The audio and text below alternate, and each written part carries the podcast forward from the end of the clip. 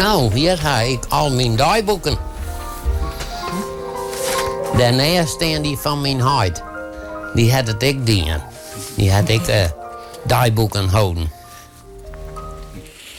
Ja, daar hoorde je in het Fries uh, melkveeboer Siebe Peenstra... die bij Omroep Friesland de dagboeken liet zien... die hij gedurende zijn leven bijhield.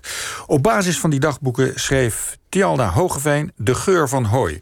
Een boek dat het verhaal vertelt van hoe een kleine boer valt... voor de zegeningen van de modernisering. Uh, Tialda Hogeveen is de gast. Welkom, goedemorgen. Goedemorgen. Ja, uh, ja, waarom juist dit verhaal van deze boer? En waarom nu? Ja. En waarom nu? Nou, Siebe Peenstra was een hele bijzondere boer. Zoals deze uh, scène bij Onderop Friesland al schetste. Hij heeft ruim 70 jaar lang dagboeken bijgehouden. Ja, en zijn vader geloof ik ook. Hè? Zijn vader ook. Ja, zijn vader heeft ook 60 jaar lang dagboeken bijgehouden. En uh, ja, daarnaast, Siebe heeft hele eigenzinnige keuzes gemaakt in zijn leven. Zowel privé als uh, professioneel. Uh, en wat je niet liet horen, maar wat ook te zien is in deze uitzending van Omroep Friesland. Hij heeft bijvoorbeeld, nadat hij is gestopt met boeren, is hij gaan schilderen. Ja, hij heeft zijn hele eigen geschiedenis ook in de gang hangen. Ja, min of meer. Hij heeft 140 uh, olieverfschilderijen gemaakt... met allerlei boeren, plattelandstaferelen. Ja, maar was het nou dat je dacht... goh, wat een leuke boer, daar ga ik eens een boek over schrijven... of was er een andere reden dat je dacht... ja, ik woon in Friesland, ik zie er van alles gebeuren met het landschap... en uh, wat begon, er nog, zat er nog wat achter? Ja, het begon met de vraag van mijn uitgever... of ik een uh, boek wilde schrijven over de landbouw in Nederland... Uh, nou, dat wilde ik heel graag. Ik heb veel met landbouw. Ik ben opgegroeid op het platteland. Ik speelde als klein meisje op de boerderij. Uh, en ja, in, op dat platteland uh, hoorde ik ook altijd de weidevogels. Mijn vader heeft me de geluiden leren herkennen. de vogels bij naam leren noemen. Dus die twee aspecten wilde ik graag meenemen. En ja, via toeval stuitte ik op Sierbe Peenstra... die dus het hele verhaal aan de hand van zijn dagboeken kon vertellen. Ja, hij was veeboer, hè? Ja, hij was melkveehouder. Hij had koeien en uh, schapen. Ja, maar welk hele verhaal eigenlijk?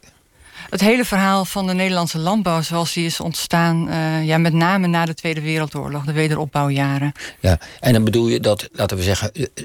de gezellige wei met boterbloempjes en, en al dat soort leuke dingen en magrietjes... dat die langzaam zeker is verdwenen... en dat er een soort monocultuurlandschap voor in de plaats ja, is Ja, dan maak je een hele grote stap. Ja. Maar ja, dat is inderdaad de ontwikkeling die heeft plaatsgevonden. Sierbe is begonnen in 1947 als boer... Um, en dat, dat waren de wederopbouwjaren. Dat waren de jaren waarin uh, Mansholt en Marshall uh, aan het roer stonden, zeg maar, van die wederopbouwjaren. Mm -hmm. Mansholt is zes kabinetten lang uh, landbouwminister geweest. En daarna is hij naar de EEG gegaan, waar hij landbouw. Eurocommissaris werd. Dus die heeft het hele landbouwbeleid zoals het nu staat vormgegeven. En daarmee had hij het tij had hij mee. want we kregen geld vanuit Amerika, vanuit de buitenlandminister Marshall. Ja. ja. En de boeren profiteren, profiteren ook wel van, van al die regelingen die getroffen werden na die tijd. Hè? Ja, enorm. Enorm, ja. ja, ja. Uh, in België ging het grootste deel van de Marshallhulp naar industrie... en in Nederland het grootste deel naar landbouw. En uh, ja, waar Mansholt op heeft ingezet is, is groter worden, schaalvergroting. Ja. Kleine bedrijven moesten hun deuren sluiten. En, uh, maar ja. ja, nee, ga door. Ja. En grote bedrijven moesten groter worden. En, en, zullen we even kijken hoe het dan met Siebe is gegaan in dit, in dit kader? Want Siebe die had een niet zo'n groot bedrijf geloof ik toen hij begon. Nou, vrij gemiddeld hoor. Nou, hij, begon, hij, begon, met 24 koeien. Ja, en die deed hij nog met de hand melken? Of, ja, die, ja. die molk hij met de hand inderdaad. Uh, en, maar eigenlijk vrij snel. Wat ik zeg, in 1947 begon hij. Met zijn bedrijf in 1948 al kocht hij een melkmachine. Dus dat was een, een grote stap richting mechanisatie. En zijn vader kocht in 1948 een trekker. Uh, een, een Ford, een Amerikaanse trekker, uiteraard. En die mocht hij ook gebruiken. Dus er werden al vrij snel stappen gezet in die mechanisatie. Ja, en, en hij begint dus met 24 koeien op, op het hoogtepunt van zijn bedrijf. Hoeveel heeft hij er dan? Nou, Sierbe begon uh, op een kleine boerderij met 24 koeien. Later verhuisde hij uh, naar, een boerderij, naar een bedrijf waar hij kon uitbreiden. En uiteindelijk had hij 50 koeien. En is dat groot voor die tijd? En voor welke tijd hebben we het dan over? Uh, hij is in 1957 verhuisd naar het andere bedrijf. En daar kon hij uitbreiden met, met grond.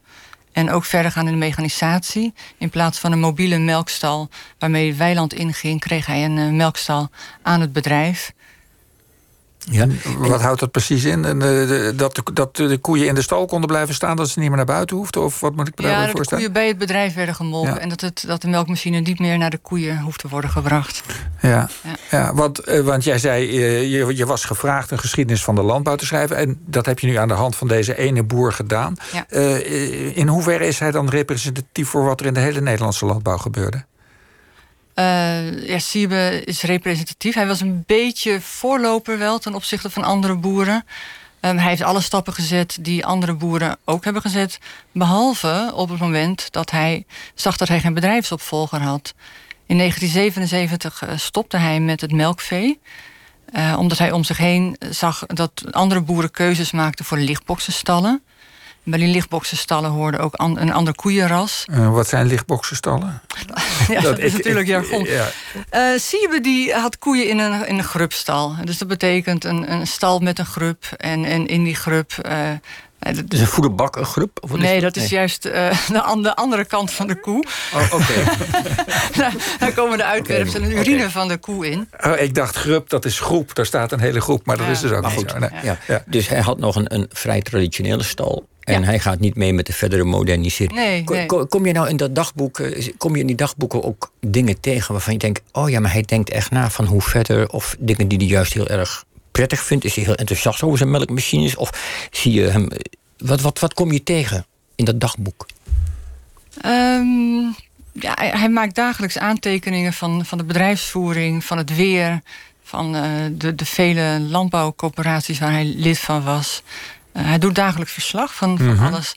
Ja, en wat, niet, ja, niet eens zozeer wat hij ervan vindt. Niet zoveel reflectie daarop. Nee, wat, wat is hij ook betrokken? Want we hebben nu eh, afgelopen jaar boerenprotesten gehad. Maar in de jaren zestig eh, hadden we een boerkoekoek en een boerenpartij. Toen waren er ook allerlei boerenprotesten. Ja. Eh, schrijft hij daar ook over? Wat hij Ja, daarvan ja, ja, vindt? daar schrijft hij ook over. Ja, Sierbe was enorm betrokken. Hij was totaal niet iemand die ging demonstreren. Hij was echt van de coöperatieve gedachte. Hij was lid van de coöperatieve zuivelfabriek, was bestuurslid ook.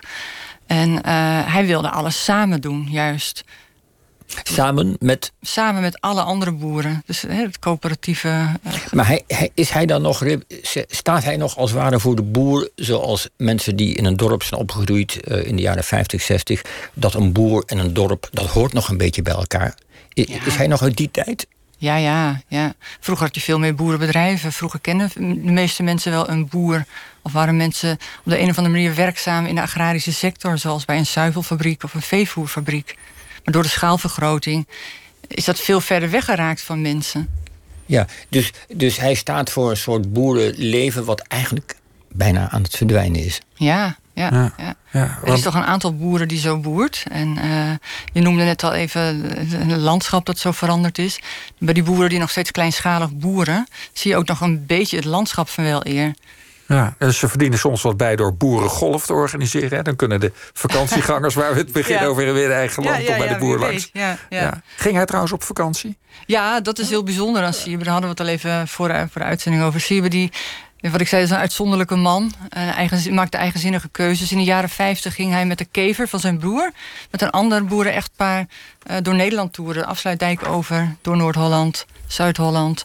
Uh, naar het oosten en zelfs naar Duitsland. Ja, en wie zorgt er dan voor zijn koeien? De, de, de, boeren, de boerenknechten. De boerenknechten, ja, ja, ja, daar had hij zijn personeel voor. Ja, precies. Uh, en in de ja. jaren 60 kocht hij een tent. Ja, wat, Ja, heb je dit verhaal geschreven? Je hebt het verhaal beschreven van een boer die mid- naar onze huidige normen middelgroot is. hè, Of misschien zelfs wel klein met 50 Klein. Er, koeien. zijn, er, zijn, er zijn nu boeren met 300 à 350 koeien. Daarom. Ja. Dus heb jij dan ook het idee van, nou, dit is eigenlijk hoe het weer zou moeten? Of daar, daar moet het naar terug? Of zit er iets van een oplossing voor jouw gevoel in het levensverhaal van deze Siebe van als het om de boerenproblematiek van nu gaat? Ja, minister Schouten wil uh, inzetten op kringlooplandbouw. En ja, dat is, dat is niet zo heel erg anders dan hoe Sierbe heeft geboerd, inderdaad. Uh, ja, leg eens uit. Ja, leg eens uit. Nou, in een paar zinnen. in een paar zinnen. Kringlooplandbouw. Nou ja, dat betekent uh, dat, onder meer dat uh, een deel van de veestapel zal, zal moeten worden ingeleverd. Dus, dus mm -hmm. inderdaad weer kleinere boeren. Uh, het betekent ook, zoals minister Schouten het wil, dat we geen voedsel meer produceren voor koeien, maar dat koeien alleen gras eten en restafval wat voor mensen wordt geproduceerd. Ja, ja. Dus Ja. dat uh, ook Dus altijd geen naar, naar blijven meer, laat staan soja uit uh, Ja. Amazonegebied. Ja. Dus Denk, denk- kleinere bewegingen van voedsel. En, en maakt dat een kans, jij, eh, denk jij? Nou, al- als, ze- nee, dan gaan we even naar het poldermodel, waar- jij het zojuist over had. Al- Als het tot goed overleg komen, lijkt me dat kansrijk, ja. ja. Want Ja. boeren staan nu al eh, nog steeds eh, een beetje in de, in, in de revolutiestand, zal ik maar zeggen. Ja. Denk je dat als hij nog geleefd had, hij is vorig jaar overleden, dat hij dan ook met zijn trekker naar Den Haag was nee, gegaan? absoluut niet. Nee, ik heb hem gevraagd of hij wel eens had gedemonstreerd. Nee, dat kwam niet bij hem op. Nee, Nee, niks voor hem. nee hij was eh, van het samenwerken, samen oplossen, samen praten. Goed, het, eh, Een polderboer, eh, mooier krijgen we het niet vanochtend. Voilà. Een, een Friese polderboer. Goed, eh Tjalde Hoogwem, bedankt voor je komst. Eh, voor wie meer wil lezen over deze boer Peenstra... en hoe het boerenleven veranderde na de oorlog... het boek over hem heeft als titel De Geur van Hooi. En waar is het precies uitgegeven? Thomas Rap.